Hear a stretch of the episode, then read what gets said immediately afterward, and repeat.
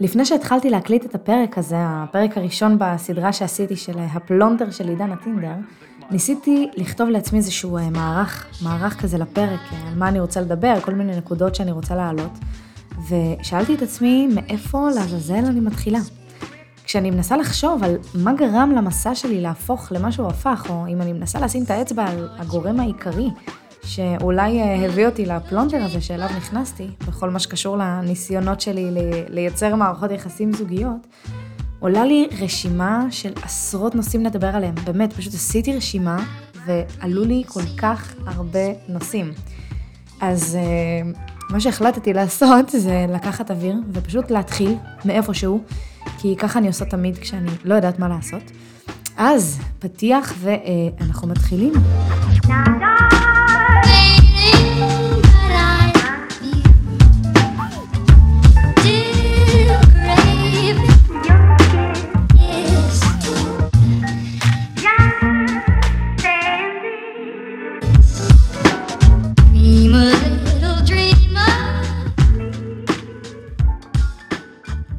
אוקיי, okay, אז שלום לכם וברוכים הבאים לפודקאסט אהבה בעידן הטינדר, פרק מספר 8.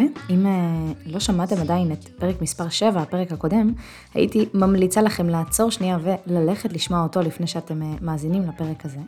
בכל מקרה, אם אתם uh, חדשים כאן בפודקאסט, אז uh, נעים מאוד. שמי שיר, אני המנחה של פודקאסט בשנים האחרונות, בחמשת השנים האחרונות. עשיתי איזשהו אה, מחקר קטן, יצאתי לקרוב ל-150 דייטים דרך הטינדר, חקרתי, בדקתי, קראתי, סיכמתי, ועכשיו אני כאן ממש כדי אה, לספר לכם ולשתף אתכם בכל החוויות אה, שעברתי.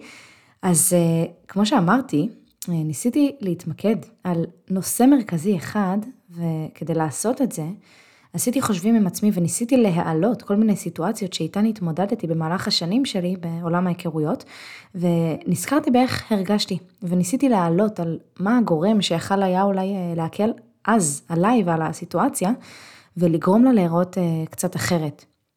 והגעתי למסקנה אחת. מצאתי משהו שהיה משותף אה, לכולן, לכל הסיטואציות. דבר אחד מרכזי, שכנראה אם הייתי יודעת לעשות אותו נכון, היה יכול ממש אה, להפוך את כל התמונה שלי ולגרום לה לראות אה, קצת אחרת. לא מדובר כמובן באיזה כלל זהב או איזה חוק או תבנית או אסטרטגיית פעולה. מדובר בכלי שהיישום שלו הופך לדרך חיים. והדבר הזה, ברגע שאני למדתי איך לעשות אותו, שינה עבורי את פני הדברים, והוא נקרא תקשורת. ואת הפרק הזה בחרתי להקדיש כל כולו לנושא הזה. עכשיו, אם תשאלו אותי אם בפרק הזה אני הולכת לתת תשובה לשאלה איך יוצאים מהפלונטר, אז התשובה היא שאין תשובה, אין נוסחה, אין פתרון קסם או דרך קסם. מה שיש אלו כל מיני כלים שכולנו יכולים ללמוד ולרכוש כדי לדעת להתנהל בתוך עולם ההיכרויות קצת יותר טוב, ולשנות את מערכת היחסים שלנו עם מערכות היחסים שלנו בעצם. אז כמו שאמרתי, אחד העולמות שלדעתי איכשהו פוגש אותנו בהרבה הרבה נקודות, הוא התקשורת. ולפני שנצלול, אני רוצה שנייה לדבר על אה, מה זו תקשורת. מצאתי כל מיני הגדרות למונח הזה, אבל בגדול, כולן מתייחסות לתקשורת כתהליך שהמטרה שלו היא להעביר מידע בין אדם אחד לאדם השני. התקשורת יכולה כמובן להיות מילולית, אה, בדיבור, במילים, בכתיבה, ויכולה להיות גם בלי מילים. נגיד אה, הבעות פנים, מגע, בכי, צחוק, חיוך, או כל דבר שלא כולל אה, מילים מפורשות. כל דבר כזה, גם זה נחשב לתקשורת. כשאנחנו מדברים על תחום התקשורת, אני חושבת שצריך לחלק אותו לשני חלקים, שתי תקופות אולי, תקשורת לפני המהפכה הדיגיטלית ותקשורת אחרי המהפכה הדיגיטלית. המהפכה הדיגיטלית אה, התחילה בערך לפני 40 שנה, בשנות ה-80 של המאה ה-20, וסביב שנת 1978, אני מקווה שאני לא טועה, אה, החלו כבר לפתח את הטלפון הסלולרי, והוא אה, יוצא לראשונה לשוק, ומשם כמובן היסטוריה. האייפונים, האפליקציות, משחקי מחשב, רשתות חברתיות, סלפי, סטורי, וואטסאפ, אס.אם.אסים, טינדר, הכל הופך להיות דיגיטלי. בוא נגיד את זה ככה, כשסבא שלי היה בן שמונה, הוא יצא לשחק עם החברים שלו מהכיתה באוויר הפתוח. הם אה, לא קבעו בוואטסאפ מתי הם נפגשים, הם פשוט הלכו אחד לשני הביתה, דפקו בדלת, אמרו אה, שלום יפה להורים של אותו חבר, ופשוט יצאו לשחק אה, ולהיפגש עם שאר החברים. היום, כשילד בן שמונה רוצה להיפגש עם חבר שלו, כנראה שהוא ישלח לו איזושהי הודעת וואטסאפ ויקבע איתו אה, במקום המפגש. זאת אומרת, כמה שפחות לדבר, כמה שפחות אינטראקציות פנים מול פנים, כמה שפחות תקשורת. וזה במקרה הטוב נראה לי, כי ככל שהשנים עוברות, אה, ילדים בני שמונה יותר ויותר מעדיפים להישאר בבית ולשחק במחשב. ומה לגבינו? בני ה-20, 30, 40 אפילו, שאומנם לא גדלו עם אייפון ביד, אבל לחלוטין התבגרו אל תוך עולם דיגיטלי, ונמצאים ממש בימים אלו בין שני העולמות, גם המציאותי וגם הווירטואלי. מצד אחד אנחנו מתחילים שיחה בווירטואלי, בין אם זה בטינדר, בין אם זה באינסטגרם, משם עוברים לוואטסאפ, עושים שיחת וידאו, מדברים בטלפון, וביום שאחרי עוברים למציאות, נפגשים, יוצאים לדייט, מדברים פנים אל פנים, מתנשקים, שוכבים, ומשם שוב חוזרים לווירטואל. ממשיכים עם הוואטסאפ ועם הטלפונים. ובעיקר אה, לא יודעים מתי לשלוח הודעה, האם לשלוח הודעה, מה זה אומר אם הוא שלח לי את האימוג'י הזה, ומה זה אומר אם הוא בכלל לא שולח אימוג'יז, ההודעות שלי קצרות מדי, ארוכות מדי, הוא שולח יותר, אני שולחת פחות, הוא כן שולח לי הקלטות, לא שולח לי הקלטות, כן מתקשר אליי, לא מתקשר אליי. בקיצור, הסיפור הידוע. אני חושבת שחשוב להבין שהעולם הטכנולוגי, הווירטואל, האפליקציות, העצמי הזה שאנחנו מציגים ברשתות החברתיות, ובעתיד גם המטאוורס, ובכלל, כל תחליף אחר שימציאו למציאות, שאגב, זה יכול להיות גם בובת מין מבחינתי. כל העולמות האלה, הם מספקים לנו צרכים רגשיים חזקים מאוד. וזו הסיבה שאנחנו כבר פחות ופחות מחפשים למלא את הצרכים האלה מבחוץ. זה יכול להיות הצורך בשייכות, הצורך בחום, אהבה, הצורך באכפתיות, הצורך בריגוש. ככל שאנחנו נותנים יותר מענה לצרכים האלה במסגרת הווירטואל, אנחנו פחות מחפשים אותם במציאות. וזו אחת הסיבות שבגללן אנחנו במגמה של להפסיק לתקשר עם החלל החיצון, כי אנחנו פשוט לא צריכים אותו. ואז מה קורה? אנחנו לא יוצרים אינטראקציות אנושיות. העולם הווירטואלי פשוט לאט לאט מחליף את התקשורת במציאות. למה אני צריך להתחיל עם הבחורה שראיתי בבר אם אני יכול להתחיל עם הבחורה בטינדר ולהימנע מלדבר איתה, מהתחייה, מהמבוכה הזאת של להתחיל עם מישהי מול כולם? למה אני צריך להיפרד אה, פנים מול פנים? כשאפשר לשלוח לה הודעה בוואטסאפ ולהימנע מהתחושה הלא נעימה הזאת של לדחות מישהי. אה, למה אני צריך לשכב עם בנות? אם יש פורנו, הרבה יותר קל לי פשוט והרבה יותר מהיר לי אה, להדליק את זה ולכבות את זה דרך הטלפון. בחורה הרי אני לא יכול אה, לכבות עם כפתור, פורנו כן. הרשימה הזאת מאוד מאוד אה, ארוכה כמובן, אבל המסר המרכזי הוא שמספר ההזדמנויות שלנו לתקשר הולך ופוחת. כלומר, אנחנו מתרגלים פחות ופחות אינטראקציות עם אנשים ומפגשים חברתיים, מה שאומר שיכולות התקשורת שלנו הולכות ומידרדרות. כשסבא שלי רצה להתחיל עם בחורה שמצא חן בעיניו, לא הייתה לו ברירה אחרת אלא לגשת אליה ולדבר איתה. גם אם הוא היה רוצה, לא הייתה לו אף דרך אחרת, לא טלפון, לא אפליקציות, אולי, אולי, אולי מכתב. כשסבא שלי רצה להיפרד מהחברה שלו, לא הייתה לו ברירה, אלא להיפגש איתה ולהגיד לה את זה. ואני לא מאמינה שאני אומרת את זה, אבל כשסבא שלי רצה לעשות סקס, לא הייתה לו ברירה אחרת, אלא למצוא בחורה אמיתית בשביל לעשות את זה. לא היה פורנו בלחיצת כפתור לפני 60 שנה. איזה כיף היה לו, והלוואי ולי היה טלפון, הייתי דווקא שמחה נראה לי לשבת אה, מול כל הבחורים שנפרדו ממני בוואטסאפ, ודווקא להסתכל עליהם ברגע הזה, ולשאול אותם אולי כל מיני שאלות. אמ, אבל במקום זה, אה, כשזה קרה, אני בלעתי רוק וכזה עניתי להם בוואטסאפ שסבבה, ושאני ממש ממש אה, מבינה אותם, שהכל טוב, בהצלחה, וסמיילי כמובן. אבל הם בכלל אה, לא ראו שבכיתי, וכל הכאב והכעס כזה נשאר אה, אצלי, אבל הם לא ראו, כי הכל היה בוואטסאפ. עכשיו, העניין הוא כזה, ברור שיש דרך לתקשר בווירטואל ויש דרך לתקשר במציאות. אלו שתי פלטפורמות שונות ועולמות שונים לתקשר בהם. אבל ברגע שנבין את הבסיסים המרכזיים שעליהן נשענת תקשורת ונרכוש כלים לתקשורת נכונה יותר, אנחנו נראה שנוכל להשתמש בהם בשני העולמות האלה, גם בווירטואל וגם במציאות. ממש תכף אני הולכת לשתף אתכם במודל שלי אישית, שינה את החיים והשפיע על המון ממערכות היחסים שלי, וכמובן גם שינה את אה, מרבית כללי המשחק אצלי בעולם ההיכרויות וכל מה שקשור לקשרים שלי עם גברים. כשנחשפתי אליו, גיליתי פתאום שאפשר אחרת, אפשר לחשוב אחרת, אפשר לדבר אחרת. כשהכרתי את המודל הזה והתחלתי להשתמש בו, הרגשתי כאילו פתאום אני שומעת את המוזיקה מהרמקולים פשוט הרבה יותר טוב. לא הבנתי שעד היום, כאילו הכבל לא היה פשוט מחובר כמו שצריך. לא ידעתי בכלל שאני לא שומעת טוב. ופתאום כשחיברתי את הכבל, הכל היה נשמע לי נקי יותר. פשוט המוזיקה פתאום נהייתה נעימה. השתנו לי החיים, בקיצור. המודל הזה, שאותו אני הולכת לחלוק איתכם, נקרא תקשורת מקרבת, או בשמו הנוסף תקשורת לא אלימה, Non-Violent Communication. אני נחשפתי אליו לראשונה לפני ארבע שנים באיזו סדנה שבטעות, ממש ממש בטעות הגעתי אליה, ומאז נחשפתי לעוד ועוד כלים שהפכו עבורי את כל החוויה של התקשורת שלי עם אחרים, וכמובן עם גברים גם לאחרת. אמ, בשבילי עולם התקשורת כלל שלושה מישורים שבהם אה, פעלתי ושאותם אני לומדת ומתרגלת עד היום באופן יומיומי בכל מערכות היחסים שלי. המישור הראשון הוא הקשבה, ללמוד להקשיב לאדם שמולי, הקשבה אמיתית, באמת להקשיב לו, לא להקשיב כדי להגיב, להקשיב כדי להקשיב. המישור השני הוא הקשבה וחיבור לעצמי, לרגשות שלי, לצרכים שלי, למה שאני רוצה וצריכה באמת, ללמוד להכיר את עצמי ולהיות קשובה לעצמי. והמישור השלישי הוא ללמוד לתקשר את זה בצורה בריאה החוצה, לצד השני.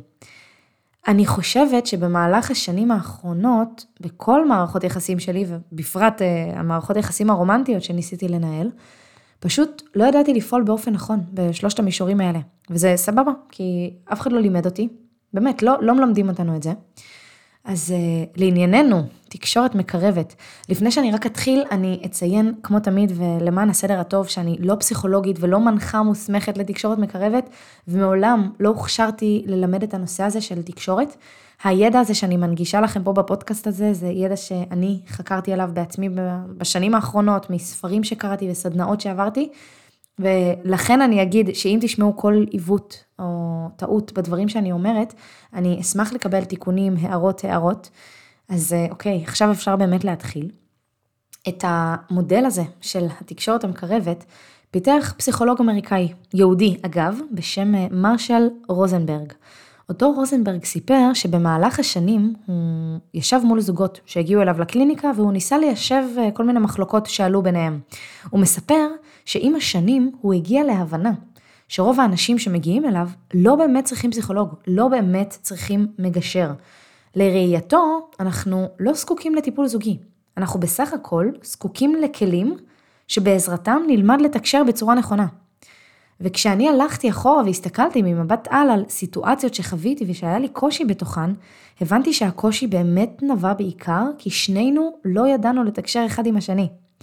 עשיתי רשימה של כל כך הרבה סיטואציות שהביאו לסיומם של קשרים, החל מסיטואציות קטנות של אה, בחור שמזמין אותי הביתה בדייט הראשון אה, להיפגש אצלו בבית ואני לא מעוניינת לבוא אליו הביתה, ועד לסיטואציות אינטימיות יותר, שבהן הייתי במיטה עם גבר ולא הרגשתי בנוח עם מה שהוא רוצה או מבקש למשל, אבל בכל זאת עשיתי. קחו למשל עוד סיטואציה מהעולם שלי שהייתה פשוט חוזרת ב repeat עם אה, לא מעט מהבחורים שיצאתי איתם. פגשתי בחור נהדר בטינדר, עברנו לוואטסאפ, משם גם לשיחות אה, טלפון, החלטנו להיפגש, ואחרי איזה שתיים או שלוש פגישות, אני הרגשתי שאני מעוניינת בו, באותו הבחור, אבל הרגשתי שאני לא מצליחה להבין איפה הוא עומד, ומה הוא רוצה, ולאן הקשר הזה יכול אה, להתקדם. ואז התחיל המשחק הזה, של כן לשלוח לו הודעה, לא לשלוח לו הודעה, לצפות להודעות של אה, בוקר טוב ממנו, ולחכות עד אחד בצהריים, אבל לא לקבל אותן. ולשריין מראש את אה, ימי שישי בערב שלי, ובתקווה שהוא יזמין אותי להיפגש, אבל אה, הוא לא היה מזמין אותי. בקיצור, קשרים שאופפת אותם בעיקר תחושת תסכול. והתסכול הזה הוביל אותי לסבל מאוד מאוד מאוד מאוד גדול. רציתי להגיד לו מה אני מרגישה ומה אני רוצה, אבל פחדתי שזה ילחיץ אותו, או שאני אצא נידית, כי הניסיון לימד אותי שאסור לי להראות לגבר שמולי שאני מעוניינת בקשר רציני, כי זה יבריח אותו, או שאסור לי להראות שאני זקוקה אה, לו, או לחום ואהבה, כי אני אצא תלותית, וככה הייתי מנהלת את הקשרים שלי, בלי לדבר, בלי להגיד, בלי לרדת מהגדר. ובדרך כלל זה היה נגמר בזה שהייתי שולחת לו איזו הודעה כזאת של אה, נעלמת, או הבנתי את המסר, בהצלחה שיהיה לך. דברים אה, בסגנון הזה. או שפשוט איכשהו הקשר הזה היה מתמסמס, כי שנינו היינו פשוט נעלמים, ובמקרים הגרועים יותר הוא לא היה מתמסמס, אלא ממשיך מכוח האנרציה, כי אני הייתי שם והוא היה שם, ואני רציתי אותו, אז פשוט נשארתי שם, על הגדר, והתאמתי את עצמי למה שקורה.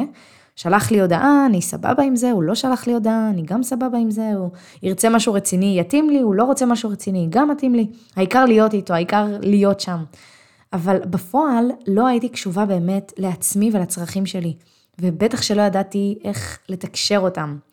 והטרגי, אני אומרת טרגי, כי זה באמת טרגי, הטרגי בכל הסיפור הזה, זה שהרגשתי משהו בתוכי, רציתי לבטא אותו, אבל חששתי שהצד השני יתרחק, אז לא אמרתי לו מה שאני רוצה, וחשבתי שאם אני אזרום עם הסיטואציה ולא אגיד לו אדבר איתו, זה ישאיר את החיבור הזה עם אותו הבחור.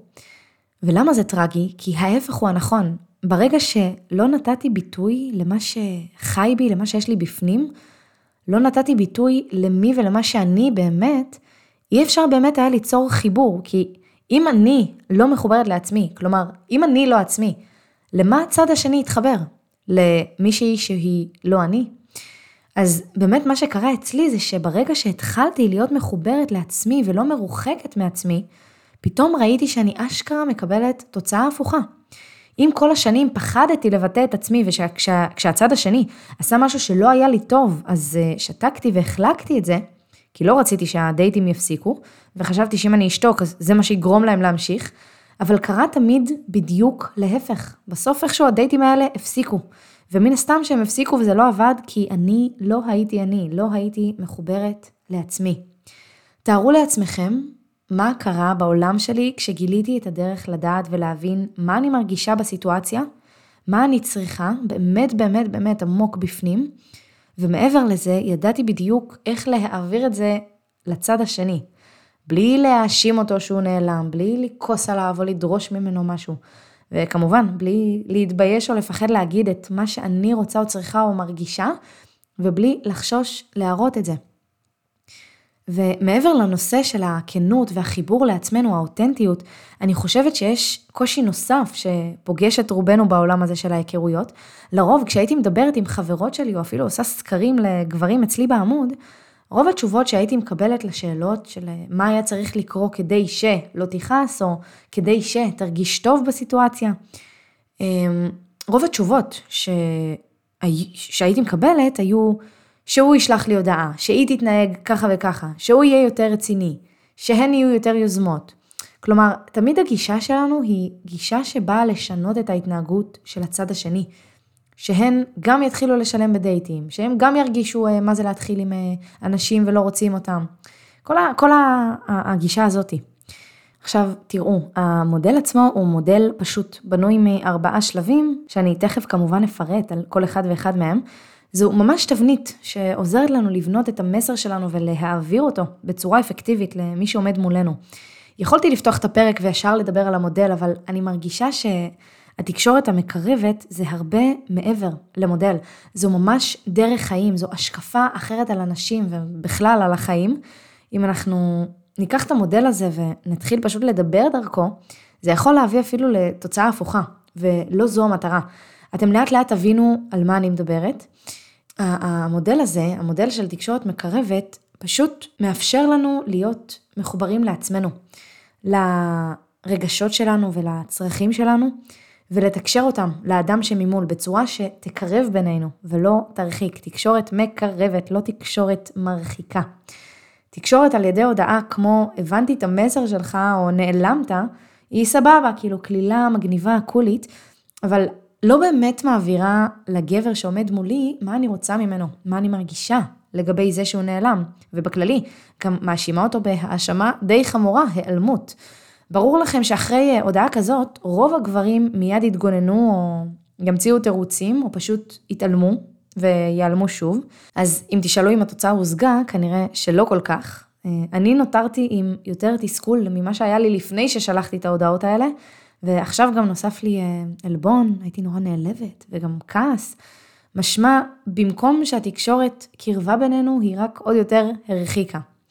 והבסיס המרכזי של תקשורת המקרבת, הוא ההבנה שמאחורי כל התנהגות עומד צורך. בעצם אותו מרשל אה, אומר שכל תקשורת שלא מבוססת על ההבנה הזו שלעצמנו ולאחרים שמולנו יש צרכים, היא בעצם די אלימה. ואני תכף אסביר בדיוק מה זה צרכים, אבל uh, כשהוא אומר אלימה, מה, מה הוא מתכוון בעצם? מה זה אלימות במקרה הזה? אלימות זה חוסר הקשבה, תוקפנות, האשמה, השוואות ביני לבין מי שעומד מולי, כאילו הצרכים שלנו זהים, התחשבנויות, אימפולסיביות, הפלת אחריות, חוסר אמפתיה. בדיוק כמו הדוגמה שנתתי מקודם על הבחור הזה שהכרתי ונפגשנו במשך כמה שבועות והרגשתי שהוא לא כל כך איטי, ואני רציתי הרבה הרבה מעבר לפגישה של פעם אחת בשבוע ולהודעות וואטסאפ אה, פעם בשלושה ימים, אז פעלתי בהאשמה נגדו, שהוא כמו כולם, שהוא עושה את הכל, עשה את הכל, והוא אמר לי, אה, את כל הדברים היפים כדי להכניס אותי למיטה, שהוא לא רואה אותי, שזה לא סבבה מבחינתו. תגובה אימפולסיבית ותוקפנית. מהצד שלי, תגובה שמפילה עליו את האחריות ומאשימה אותו באיך שאני מרגישה, וטוענת שהוא נעלם, בלי שבכלל אמרתי לו מה אני רוצה ומרגישה, בלי לגלות אמפתיה, גם לצרכים ולרגשות שלו. בקיצור, אלימות. אז המודל של תקשורת מקרבת בא לעזור לנו ונועד למנוע בדיוק את המצבים האלה. בעצם, סליחה, אני מתקנת. למנוע זו לא המילה הנכונה, אלא ללמוד איך להתנהל במצבים האלה בדרך יותר בריאה ואפקטיבית, דרך שתקרב ולא דרך שתרחיק. הרי הקונפליקטים האלה יגיעו תמיד, אי אפשר להימנע מהם, פשוט אי אפשר, תמיד יהיה משהו בבחור שמולי, שהוא יעשה אותו, שלא יענה על איזה צורך שקיים בי, ותמיד יהיה משהו בבחורה שמולך, שיביא אותך להרגיש רגש שלא נעים לך להרגיש אותו.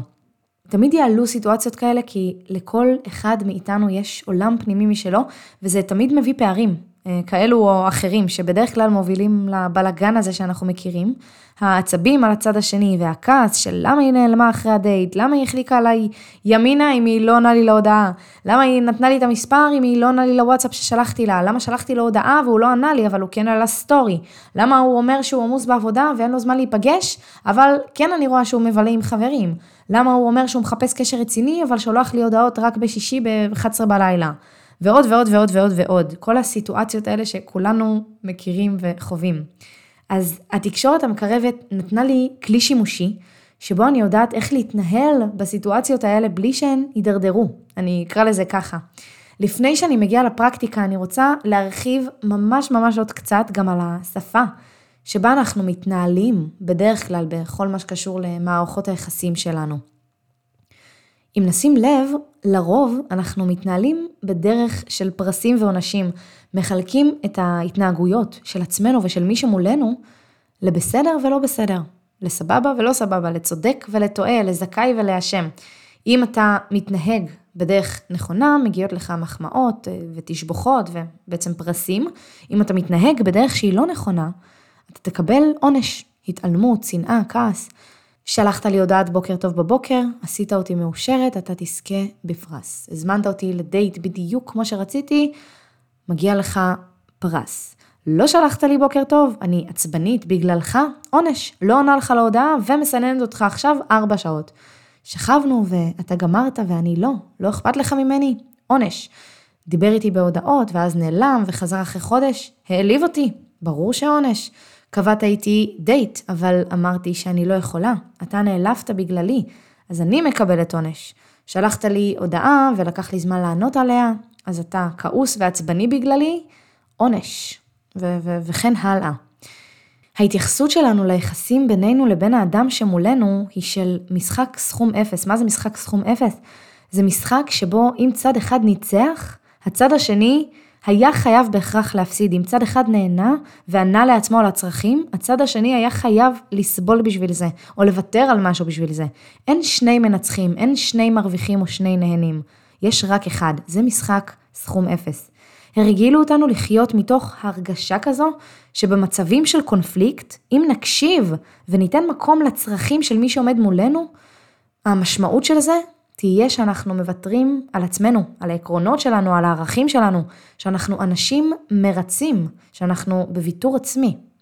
בעולם ה dating, למשל, אני יכולה לתת דוגמה שאני מקווה שתהיה טובה ומתאימה, אבל אני אנסה. לצורך העניין, קבעתי דייט עם מישהו והוא מזמין אותי אליו הביתה, בדייט הראשון. אבל אני לא מעוניינת להיפגש בבית. אז אני אומרת לו שאני רוצה שנצא. והוא מנסה שוב לשכנע אותי שאני אקפוץ אליו. עכשיו, אני שמה בצד את כל הסיפורים על מי שמזמין אותך אליו הביתה בדייט הראשון, הוא מחפש רק סקס וזה זול והוא לא רוצה להשקיע והוא עצלן והוא קמצן, אם תבוא אליו הביתה אז את זולה. זה בולשיט של, של ספרים ושל מנטורים שמלא בשיפוטיות וחוקים וכללים. אני מסתכלת על הסיטואציה הנקייה. אני יודעת שזה נושא רגיש, לבוא הביתה בדייט הראשון, אני מנסה להסתכל על הסיטואציה הנקייה השנייה. הבחור מולי אמר לי שהוא רוצה שאני אפגש אצלו בבית, אבל אני לא מרגישה עם זה בנוח. לרוב אנחנו רגילים לפעול בסיטואציה כזו באחת מתוך שלושת האסטרטגיות הבאות. הראשונה, לנתק מגע, לא להתמודד עם הסיטואציה, לא להיכנס לקונפליקט. וזה יהיה נגיד אה, על ידי הודעה כמו, אה, אוקיי, פחות מתאים לי להיפגש אצלך בבית, זה פחות מה שאני מחפשת, שיהיה לך מלא בהצלחה. זהו, לנתק מגע. השנייה, הפעלת כוח או מרות והתעלמות מוחלטת מהבקשה או הצורך של הצד שעומד מולנו. הודעה כמו, אני לא נפגשת עם גברים בבית, או שאנחנו נפגשים בחוץ, או שאנחנו לא נפגשים בכלל. הפעלת כוח. השלישית, ויתור או איזושהי אה, פשרה והתעלמות מאיך אני באמת באמת מרגישה. הודעה כמו, האמת, פחות נוח לי עם זה, אבל סבבה, ניפגש אצלך. התקשורת המקרבת עוטפת את הסיטואציה הזו מכיוון קצת שונה, ומציעה בעצם את האסטרטגיה הרביעית, שלפיה אנחנו מניחים שלרצון של כל אחד מאיתנו להיפגש במקום שהוא ביקש, קיים צורך שמסתתר תחתיו. והאסטרטגיה היא שיתוף פעולה, הידברות קוראים לזה, תקשורת. מתוך ההנחה שאפשר וניתן להגיע ביחד למצב שבו שנינו, גם אני וגם הוא, נרגיש טוב ונוח עם הפתרון בסופו של דבר. המטרה היא לא לשנות את מי שעומד מולי ואת ההתנהגות שלו כדי להשיג את מה שאני מבקשת. המטרה היא פשוט לייסד מערכת יחסים שתהיה מבוססת על כנות ועל אמפתיה, שבסופו של דבר ימלאו גם את הצורך שלי בסיטואציה, וגם אבל את הצורך של מי שעומד מולי. כשאני אומרת לגבר שהייתי מעדיפה להיפגש איתו מחוץ לבית בפעם הראשונה, מסתתרים מתחת לבקשה הזו שלי המון המון צרכים. הצורך שלי בביטחון, הצורך שלי להרגיש מיוחדת, אהובה, הצורך בהבנה, בהערכה, להרגיש מחוזרת. ולאותו הבחור שרצה להיפגש בבית, יכול להיות שהוא עצלן, שבאמת חיפש רק סקס, אבל זה שיפוט.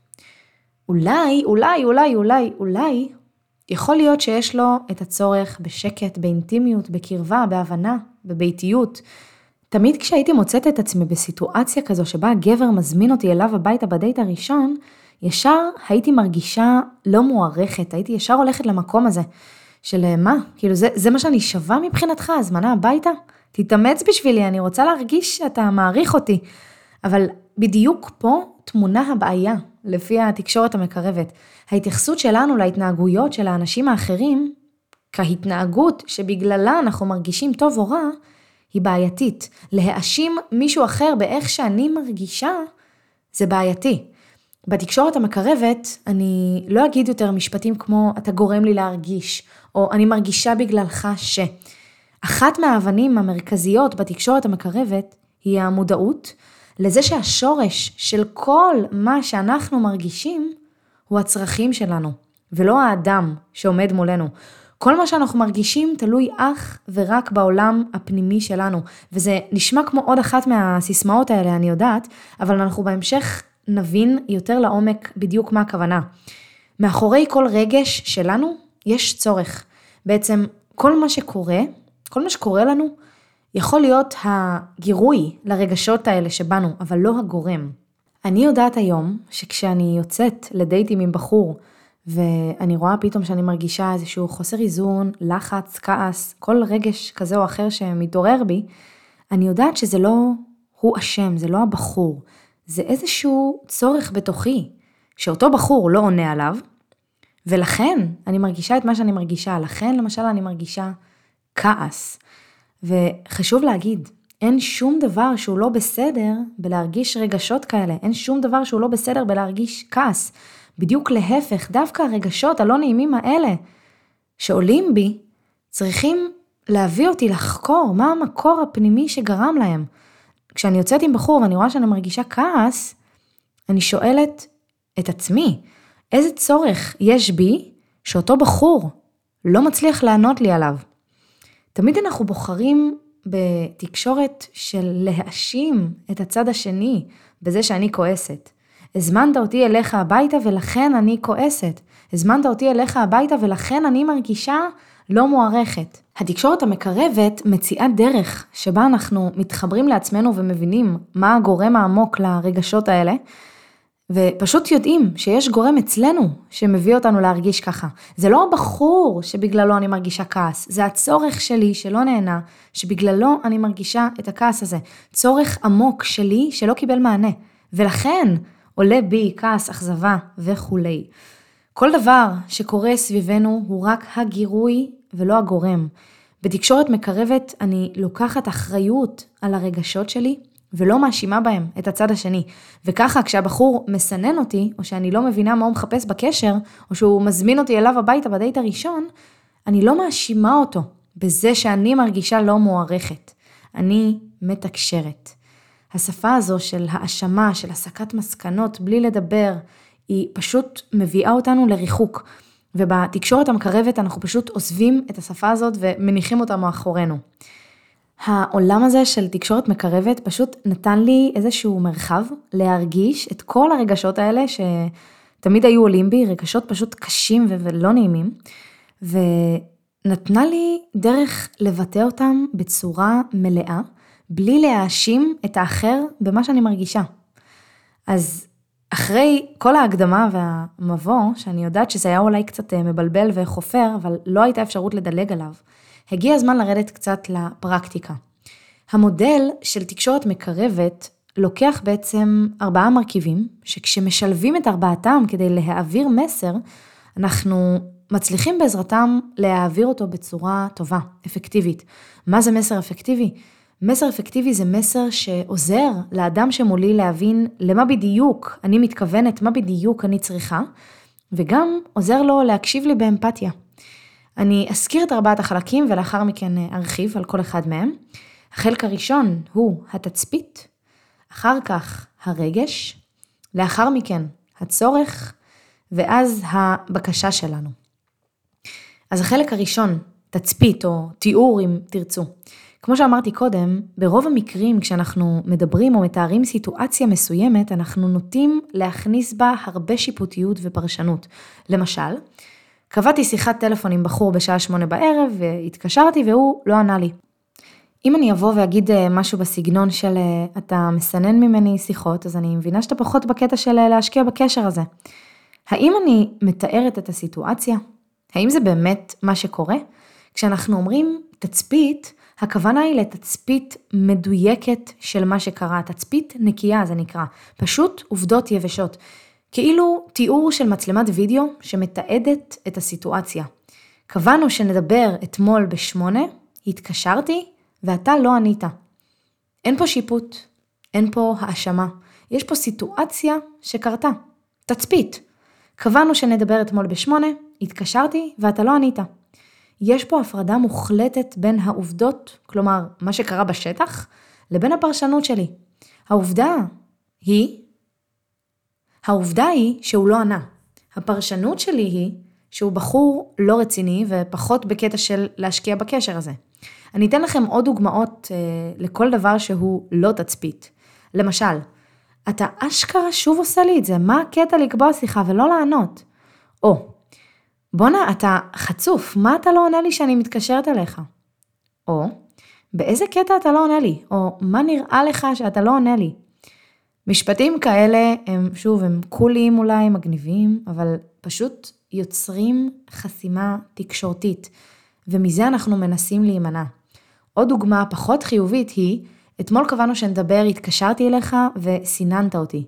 גם זו נחשבת לתגובה שמכילה פרשנות. זו לא תצפית נקייה. כשאנחנו באים לבן אדם ואומרים לו, כשסיננת אותי, זו מילה שמתארת חוויה סובייקטיבית. ואילו להגיד לו, התקשרתי ולא ענית, זה כבר אובייקטיבי, זו עובדה. המטרה של התצפית הנקייה הזו היא להתחיל את השיחה מתוך הסכמה ולא מתוך התנגדות. כשאני אומרת למישהו סיננת אותי, זה ישר מעורר התנגדות. מה? מה הקשר? ממש לא סיננתי אותך. זה מה שהוא יענה לי. כשאני אומרת לו, לא ענית לטלפון אתמול, אין לו מה להתנגד, הרי שנינו יודעים שהוא לא ענה. וזה מה שקרה, זה לא אומר שזה בסדר או לא בסדר או טוב או רע. זה פשוט מה שהיה, התקשרתי והוא לא ענה. אז אחרי שתיארנו את הסיטואציה בדיוק כמו שהיא, החלק השני הוא הרגש. אחרי מה שקרה, איך אני מרגיש עם זה, איך אני מרגישה עם זה. מה זה רגש? רגש זה כל תחושה פנימית שעולה בנו, זה לא מחשבה, אלא זה פשוט משהו שאנחנו מרגישים. למשל, אם אחרי שהתקשרתי והוא לא ענה לי, אני באה לבחור ואומרת לו, אני מרגישה שאתה לא בעניין שלי. האם זה רגש? לא. זו מחשבה. אם אני אבוא ואגיד לו, אני מרגישה מרומה, האם זה רגש? לא, זו גם מחשבה. ומעבר לזה שזו מחשבה, כשאני אומרת למישהו שאני מרגישה מרומה או נבגדת, באותה נשימה אני גם אומרת לו שהוא רימה אותי, או שהוא בגד בי. אתם מתחילים להבין את הקונספט? רגש זו חוויה פנימית, רגש לא יכול להיות עם שיפוט. אי אפשר להגיד, אני מרגיש ש. רגש זו מילה. יש ממש טבלת רגשות וצרכים, אתם יכולים כמובן למצוא אותה בגוגל, או לכתוב לי באינסטגרם, אני אשלח לכם אותה בשמחה. רגש, אה, לדוגמה, יכול להיות כעס, תסכול, אכזבה, מבוכה, חוסר נחת, בהלה, דאגה, פחד, או בסקאלה החיובית של הרגשות יש את השמחה, רוגע, אושר, גאווה. וכשנבטא את זה במשפט או בהודעת וואטסאפ, זה יישמע יותר בסגנון של אה, אם זה כעס, זה יהיה אני כועסת, אם זה תסכול, זה יהיה אני מתוסכלת, אני נבוכה, אני מאוכזבת, אני מרגישה חסרת נחת, אני מרגישה מבוהלת, אני דואגת, אני שמחה, אני מאושרת, אני רגועה וכו' וכו'. לפעמים קצת קשה להתרגל לבטא את הרגש עצמו, ואנחנו בדרך כלל הולכים למשפט של אני מרגיש ש, אני מרגישה ש. למשל, התקשרתי ולא ענית לי לטלפון, ואני מרגישה שאתה פשוט לא איתי בקשר הזה. אז כדי לדבר רגש וכדי לזהות מה בדיוק אני מרגישה, יש שיטה. כדי להגיע לרגש, הרבה פעמים אני שואלת את עצמי, איך אני מרגישה כשאני חושבת על זה שאתה לא איתי בקשר הזה. ואז כשאני חושבת על זה, אני מבינה שאני מרגישה אולי עצובה או מבואסת. אז במקרה הזה הרגש הוא עצב, באסה.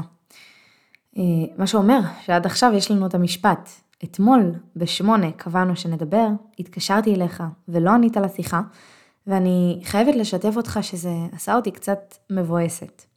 אז אחרי שתיארנו תצפית מדויקת ונטולת שיפוטיות, ואז גם שיתפנו את הצד השני באיך אנחנו מרגישים, נעבור לשלב השלישי, שהוא הצורך. מה הצורך שלי? מה חשוב לי? מה הייתי רוצה שיקרה? אני עצובה כי חשוב לי כך וכך וכך. כי יש לי צורך בכך וכך וכך. כי אני רוצה לדעת שכך וכך וכך. כי אני הייתי שמחה להרגיש שכך וכך וכך. כי אני מחפשת ככה וככה וככה. אתמול בשמונה קבענו שנדבר, התקשרתי לך ולא ענית לשיחה. ואני חייבת לשתף אותך שזה עשה אותי קצת מבואסת, כי ממש חשוב לי להרגיש שאני מדברת עם מישהו שמעוניין בי ומעוניין בלנסות לפתח קשר, ובכלל, להרגיש כבוד בינינו. תצפית, רגש, צורך. וזה יפה, כי כשאנחנו מנסחים את זה ככה, לפי המודל הזה, הצד השני מבין שמה שמפעיל את הרגש הזה שלי, זה לא מה שקרה, זה לא מה שהוא עשה, זה לא זה שהוא לא ענה לי לשיחת הטלפון, אלא מה שהפעיל את הרגש זה צורך שיש לי, והוא שלי, הוא לא קשור אליו. ועכשיו, השלב הרביעי זו הבקשה, או השאלה לפעמים. איך זה נשמע לך? האם זה משהו שאתה מחפש? למה אתה זקוק כדי שכן נוכל לעשות כך וכך וכך? או מה צריך שיקרה כדי ש... כך וכך וכך? אתמול בשמונה קבענו שנדבר. התקשרתי אליך ולא ענית לשיחה, ואני חייבת לשתף אותך שזה עשה אותי קצת מבואסת, כי ממש חשוב לי להרגיש שאני מדברת עם מישהו שמעוניין בי ומעוניין בלנסות לפתח קשר, ובכלל, להרגיש כבוד בינינו. זה נשמע לך כמו משהו שגם אתה מחפש? או במקרים אחרים, שבהם אני רוצה לבקש מהגבר משהו, למשל, אני זוכרת בהרבה מהמקרים, בסוף הדייטים, שממש רציתי שהוא ילווה אותי לאוטו. ותמיד כשהייתי צריכה לחזור לבד בלילה לרכב, כשהבחור לא ליווה אותי, הייתי לפעמים פשוט בוכה. הייתי פתאום מרגישה כל כך מפוחדת ועזובה ובודדה, הרגשתי פתאום שלא אכפת לו ממני.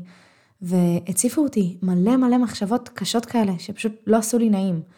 היום, כשאני מחוברת לעצמי ולמה אני רוצה וצריכה, אני יודעת שחשוב לי מאוד להרגיש אכפתיות מהצד של הגבר, חשוב לי שהוא ילווה אותי לרכב שלי בלילה.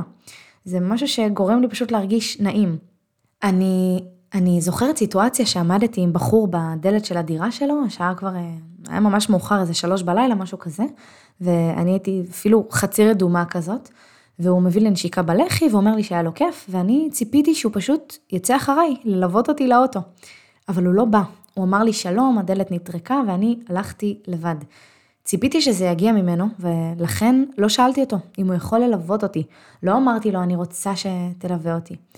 וכשהדלת נטרקה, הבנתי ששוב אני חוזרת לבד לאוטו. עוד הפעם הציף אותי התסכול הזה, התחושה הלא טובה הזאתי.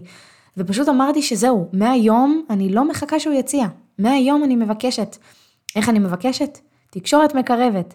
וזה לא חייב להיות כזה כבד וסחי, אנחנו פשוט עומדים שם בדלת ואני אומרת לו, היה לי ממש ממש כיף איתך היום, שתדע. אבל תקשיב, ללכת עכשיו לבד לרכב יעשה אותי מה זה מפוחדת. פליז, תלווה אותי לאוטו, זה מה זה יעשה לי כיף. והוא יקבל את ההחלטה שלו, אם כן ללוות אותי או לא ללוות אותי. ואם לא, קיבלתי את התשובה שלי ומשם אני כבר אסיק מסקנה, אבל לפחות תקשרתי, אמרתי לו בצורה מפורשת את הצורך שלי וביקשתי. אני לא יכולה תמיד לצפות שזה יבוא ממנו. איך הוא ידע שאני מפחדת ללכת לבד ושזה חשוב לי, אם אני לא אגיד לו. צריך לתקשר, לבקש. עכשיו, אני יודעת שיש משהו שיכול להיות קצת מוזר בתפיסה הזו של אם אתה רוצה משהו, תגיד, תבקש.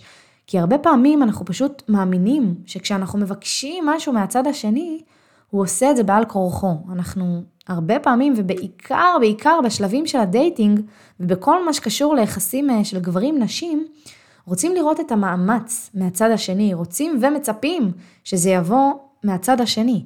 למשל, להזמין אותי לדייט, להתקשר אליי, ללוות אותי לאוטו אחרי הדייט, להגיע לפגישה שלנו בים עם בקבוק יין ולא לבוא בידיים ריקות, לשלוח לי אה, הודעת בוקר טוב יום אחרי. אלו דברים שברור שהייתי רוצה שיגיעו מיוזמתו של הגבר. אבל, אבל, הרגילו אותנו לזה שכשאנחנו מבקשים משהו ממישהו והוא עושה את זה, אז הוא עושה את זה לא מרצון, לא מאהבה, לא מנתינה. וזה לא נכון. תחשבו איזה מעוותת התפיסה הזו. איך אני יכולה לצפות שכל אחד שאני מבלה איתו ידע תמיד מה אני רוצה, מה אני צריכה, ושהוא גם ידע איך למלא לי את הצורך הזה, בלי שאני אגיד לו. איך הגבר ידע שחשוב לי שהוא ילווה אותי אם לא אמרתי לו? נכון שהרבה יותר נעים היה לי אם זה היה מיוזמתו. נכון שיש כל מיני קודים חברתיים של כן תלווה אותה, כן תשלם עליה, כן תביא יין לדייט. אבל אם זה לא קורה מיוזמתו של הגבר, אני יכולה לתקשר את הבקשה שלי. אז זהו, זה המודל. תצפית, רגש, צורך, בקשה. תבנית פשוטה שאנחנו מלבישים אותה על כל סיטואציה שבה אנחנו נמצאים, והנקודה הכי הכי חשובה פה זה הצורך. זה בעצם מה שיוצר בינינו את החיבור, כי כשאני מסבירה לבחור למה חשוב לי משהו, מה הצורך שלי, הוא פחות שיפוטי לגביי. כשאני מבינה מה חשוב לו, אני פחות שיפוטית לגביו. כשאני מבינה שהרגש שלו לא נובע ממשהו שאני עשיתי, אלא ממשהו שחשוב לו, קל לי הרבה יותר לקבל את זה. וזה נכון לכל קונפליקט, לכל מערכת יחסים, לא רק בשלב הדייטים. תצפית, רגש, צורך, בקשה. ואז כל כללי המשחק עובדים פשוט אחרת. אנחנו מחוברים לעצמנו, אנחנו כנים עם הצד השני, אנחנו לא עומדים על הגדר ומחכים לתגובה. אנחנו לא נשארים מתוסכלים ומלאים בשאלות של מה הוא מחפש, למה הוא לא ענה, למה הוא לא ליווה אותי לרכב בסוף הדייט ונתן לי ללכת לבד, למה היא לא שולחת גם הודעות בוקר טוב, למה רק אני שולח, אם אני אפסיק לשלוח לה אז הקשר הזה יפסיק. יש לי רשימה של עשרות סיטואציות כאלה. ועכשיו יש לנו תבנית שיכולה פשוט להתלבש על כל אחת מהן. אני חושבת שאחד מהדברים המרכזיים שהתקשורת המקרבת הביאה לי לחיים, זו כנות. היא פשוט נתנה לי את היכולת להוציא החוצה, בדרך בריאה וחיובית, את הרגשות שלי, ופשוט להפסיק לשמור בבטן. הרי, מה זו כנות? כנות זה מה שאנחנו מרגישים וחושבים באמת. ומה זה מה שאנחנו מרגישים וחושבים באמת? זה עצמנו. זה נקרא אותנטיות, זה מי שאנחנו באמת. עכשיו, ברור שיש סוגים של כנות. יש כנות שהיא מפוצצת ומלאה בשיפוטיות, כמו להגיד למישהו אחרי שהוא סינן הודעות או לא ענה לי לטלפון, להגיד לו, וואלה, יצאת זבל. זו כנות, זה באמת מה שאני חושבת ומרגישה. שהוא, שהוא פשוט זבל שהוא סינן אותי. אבל זו כנות עם שיפוטיות, ואני מנסה כמה שיותר להימנע ממנה.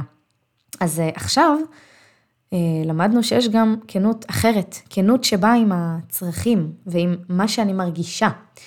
ואם נחשוב על זה לעומק, כשאנחנו מנסים ליצור מערכת יחסים עם מישהו, ועל אחת כמה וכמה מערכת זוגית, אנחנו חייבים להביא את עצמנו. מה זה יעזור לי אם הבחור יתאהב, אבל במישהי שהיא לא באמת אני?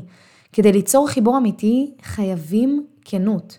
האמת, תכלס, היא, היא, היא כואבת לפעמים, נכון, אבל היא היחידה שיוצרת בינינו אמות וחברות כנה. אז הרבה פעמים אין לנו את האומץ לבוא ולהגיד למישהו את האמת, או שאנחנו לא מוצאים את הדרך לבוא ולהגיד לו אותה, ותקשורת מקרבת מקלה עלינו, ונותנת לנו את הדרך בדיוק לזה. זה פגש אותי גם הרבה בסיטואציות שבהן הייתי צריכה להגיד לבחור שיצאתי איתו שאני פחות בעניין, או נגיד שיצאנו לדייט ולא רציתי להמשיך. הרי אף פעם לא ידעתי איך לחתוך אחרי הדייטים. הייתי פשוט נעלמת בדרך כלל, וכמובן, גם אה, מהצד השני, בחורים שהם רצו לחתוך ממני, גם נעלמו. זה פשוט מעגל כזה של חוסר תקשורת. והתקשורת המקרבת הביאה אותי להבנה שמה שאני מרגישה זה בסדר, שאני לא צריכה להצטער שאני לא בעניין או להרגיש לא נעים. וכמובן, גם למדתי לפתח המון המון אהבה ואכפתיות כלפי הצד השני, גם אם אני בקושי מכירה אותו, ורציתי פשוט לעשות הכל כדי לא לפגוע בו. אז הודעת פרידה בסגנון של אה, תקשורת מקרבת, אה, תכף אני אראה לכם פחות או יותר איך היא נראית, רק ששם כמובן פחות תהיה בקשה בסוף, כי אנחנו לא מבקשים משהו ממישהו שאנחנו אומרים לו שאנחנו לא מעוניינים יותר לראות אותו. אז פחות תהיה התייחסות לבקשה וגם לא לצרכים העמוקים שלנו, כי זה פשוט פחות רלוונטי במקרים של פרידה. הרי אין פה איזה קונפליקט שצריך להגיע להסכמה, אבל אה, כן אפשר להשתמש בתקשורת המקרבת כדי לנסח הודעות בסגנון הזה. היי, whatever, אה, עמרי, שם בדוי. רציתי להגיד לך שממש נהניתי בחברתך ואתה בחור אחד המצחיקים והמעניינים שפגשתי. אמ, עם זאת, אני חייבת לשתף אותך שאני חושבת שאני פחות מרגישה את החיבור שאני מחפשת להרגיש. אני חושבת שבשלב הזה פחות יתאים לי שנמשיך להיפגש, אז שיהיה לך אחלה ערב ואני באמת באמת שמחה שנפגשנו. נשמע פחות כואב מלהיעלם. ברור שאין דרך להגיד למישהו שאתה לא בעניין שלו בלי להעליב אותו, אבל אה, אני תמיד חושבת שעדיף כן לתקשר מאשר פשוט ההיעלמויות האלה. סיטואציה נוספת שהרבה פעמים נעזרתי בתקשורת המקרבת כדי לבטא את עצמי וכדי לשים את הדברים על השולחן, אלו סיטואציות שבהן רציתי משהו רציני ולא הצלחתי להבין איפה הבחור שעומד מולי. אז אני אתן לכם עוד דוגמה להודעה בסגנון של תקשורת מקרבת. היי, עמרי, שוב, שם בדוי, חשוב לי שתדע שהיה לי ממש ממש כיף בחודשים האחרונים שבהם בילינו ביחד, ואתה אחד הבחורים שאני מרגישה באמת באמת פתוחה איתם, ושאני מרגישה שאני אני כשאני לידך. אבל שבוע שעבר יצא שלא דיברנו בכלל, כי אני לא שלחתי הודעות או התקשרתי, ואתה לא שלחת גם הודעות. האמת שזה עשה לי להרגיש קצת מוזר, ובעיקר עשה אותי קצת עצובה וטיפה מבואסת ובודדה אפילו. אני מחפשת קשר שבו אני אדע שלאדם שמולי כן חשובה התקשורת על בסיס יומיומי, וחשוב לי ממש להרגיש אכפתיות ודאגה והתעניינות. זה נשמע לך כמו משהו שגם אתה מחפש בקשר? זהו, זה ההתנסחות. זה, אני יודעת שזה נשמע קצת כבד עכשיו, אבל ברגע שמתרגלים את זה וכל אחד מוצא את השפה שלו ואיך להתנהל בתוך המודל הזה, זה כבר נשמע אחרת. כל סיטואציה אפשרית שתהיו בתוכה, כל סיטואציה אפשר לפתור ולהגיע להבנה והסכמה בעזרת הכלי המדהים הזה, אפילו סיטואציות רגשיות שקשורות לסקס ולמיטה וסיטואציות של תשלום בדייט. אם אתה גבר נגיד ולא רוצה לשלם בדייט כי לא יודעת מה, אתה לא מעוניין לפגוש שוב את הבחורה. אתה תמיד רגיל לבלוע את הצפרדע ולשלם בכל זאת. למה? כי אתה הגבר וככה אמרו שצריך ואתה מפחד ממה הבחורה תגיד או תחשוב ואיך שהמלצרית תסתכל עליכם או כל הדברים האלה. ועל זה בדיוק אני מדברת, כשאנחנו עושים משהו שאנחנו לא רוצים לעשות, או אומרים משהו שאנחנו לא באמת חושבים או מאמינים, זה מרחיק אותנו מעצמנו, והמטרה היא להתקרב. אז בפעם הבאה, באותה סיטואציה עם הדייט, תזכור, תצפית, רגש, צורך, בקשה. ובמקרה הזה, אתה יכול להתחיל יותר בעדינות אולי, לא חייב בקשה, כלומר, לא חייב להגיד לה, אני רוצה שנתחלק, או אני רוצה שנשלם חצי חצי, אם קשה לך להתחיל בזה, כי זה באמת נושא רגיש, אני יודעת. אפשר פשוט להעלות את הנושא הזה, ולשאול אותה איך היא רואה את העניין, או מה היא חושבת על זה, או לפחות לשתף אותה, במה אתה מרגיש. אה, תקשיבי, אה, אה, שם בדוי, נועה, סופר נהניתי איתך הערב והיה מצחיק וטעים ברמות. אני חייב רק לחלוק איתך שהרגע הזה של התשלום בדייטים מביך אותי, או גורם לי לפעמים קצת לכעוס, או קצת עושה לי להרגיש לא נעים. אה, אני פשוט מרגיש שאני עושה משהו כי אני חייב, ופשוט הבנתי שקשה לי עם זה. אז סתם אני משתף אותך בזה. ומכאן יכול להיות שהיא תגלה הבנה ותהיה בחורה רגישה ואינטליגנטית והיא תגיד לך, אני חייבת לומר לך שאני ממש ממש ממש מבינה אותך ואתה פשוט לא צריך לשלם, אתה לא צריך להרגיש שאתה צריך, חייב לשלם עליי. וסליחה אם זה הרושם ש, שעשיתי עליך. ויכול להיות שתקבל תגובה שפחות תרצה לקבל אותה, אבל אה, לפחות הוצאת את מה שיש לך על הלב וניסית לתקשר ושיתפת. אז אה, זהו, אתם מבינים כמה זה פשוט, במקום לשבת ולבכות בבית, במקום לשאול שאלות כמו למה לא הולך לי ולמה כולם נעלמים לי ולמה אף אחד לא רוצה אותי, אני יורדת מהגדר, אני קשובה לעצמי, אני מדברת עם מי שנמצא מולי ומבינה איפה אנחנו עומדים. אני עושה הכל כדי להרגיש טוב ולא להיכנס למקומות האלה שעושים לי רע. והמסע שלי פשוט השתנה שמיים וארץ. מאז שהתחלתי לתקשר, זה פשוט משנה חיים. אז אה, וואי, סיכום, אני מרגישה שזה היה פרק סופר קשוח ודחסתי לכאן מלא מלא מלא בלאגן. התחום הזה של תקשורת מקרבת זה, זה, זה עולם, זה פשוט עולם וצריך ללמוד אותו ולתרגל אותו. כרגע בפרק הזה זו הייתה רק חשיפה, טעימה ממש ממש ממש ממש ממש על קצה המזלג, ממש. אי אפשר ללמוד או ללמד תקשורת אה, מקרבת בחצי שעה של פודקאסט. אני באמת מאמינה שתקשורת נכונה יכולה לשנות את פני הדברים בכל מה שקשור לסבל שלנו בעולם ה dating ובכלל בכל מערכות היחסים שלנו, מי שבזוגיות, מי שלא, עם קולגות בעבודה, בלימודים, עם המשפחה, עם חברים, עם השכנים, כל אחד. אם אתם רוצים ללמוד בהרחבה על העולם הזה, תוכלו להתחיל בקטנה מכל מיני סרטונים שיש ביוטיוב, פשוט חפשו על תקשורת מקרבת ותמצאו שם מנחים וסרטים. יש כמובן גם את הספר של אה, מרשל רוזנברג, תקשורת מקרבת, ספר מטורף, באמת, פשוט מטורף. אמ, אז זהו, הפרק הזה הגיע לסיומו, אני מקווה שקיבלתם בו ערך ונהניתם ושלא התעייפתם מדי. אם בא לכם לעזור לי ולפודקאסט הזה לגדול, אני אשמח שתשתפו אותי עם חבר, עם חברה, בסטורי, באינסטגרם, בכל מקום שתראו בו לנכון. אתם אה, מוזמנים גם להגיע לאינסטגרם שלי, אם אתם במקרה עדיין לא שם, חפשו אותי, אהבה בעידן הטינדר. אה, בפרק הבא, פרק 9, אני הולכת לדבר על הגורם השני מתוך השלושה, שאני חושבת שיכול גם הוא להביא לשינוי מאוד מאוד גדול בעולם שלנו, של מחפשי האהבה. אז יישארו מעודכנים. ולבינתיים, שיהיה לכם אחלה של יום, או לילה, לא יודעת, ותודה לכם על ההקשבה.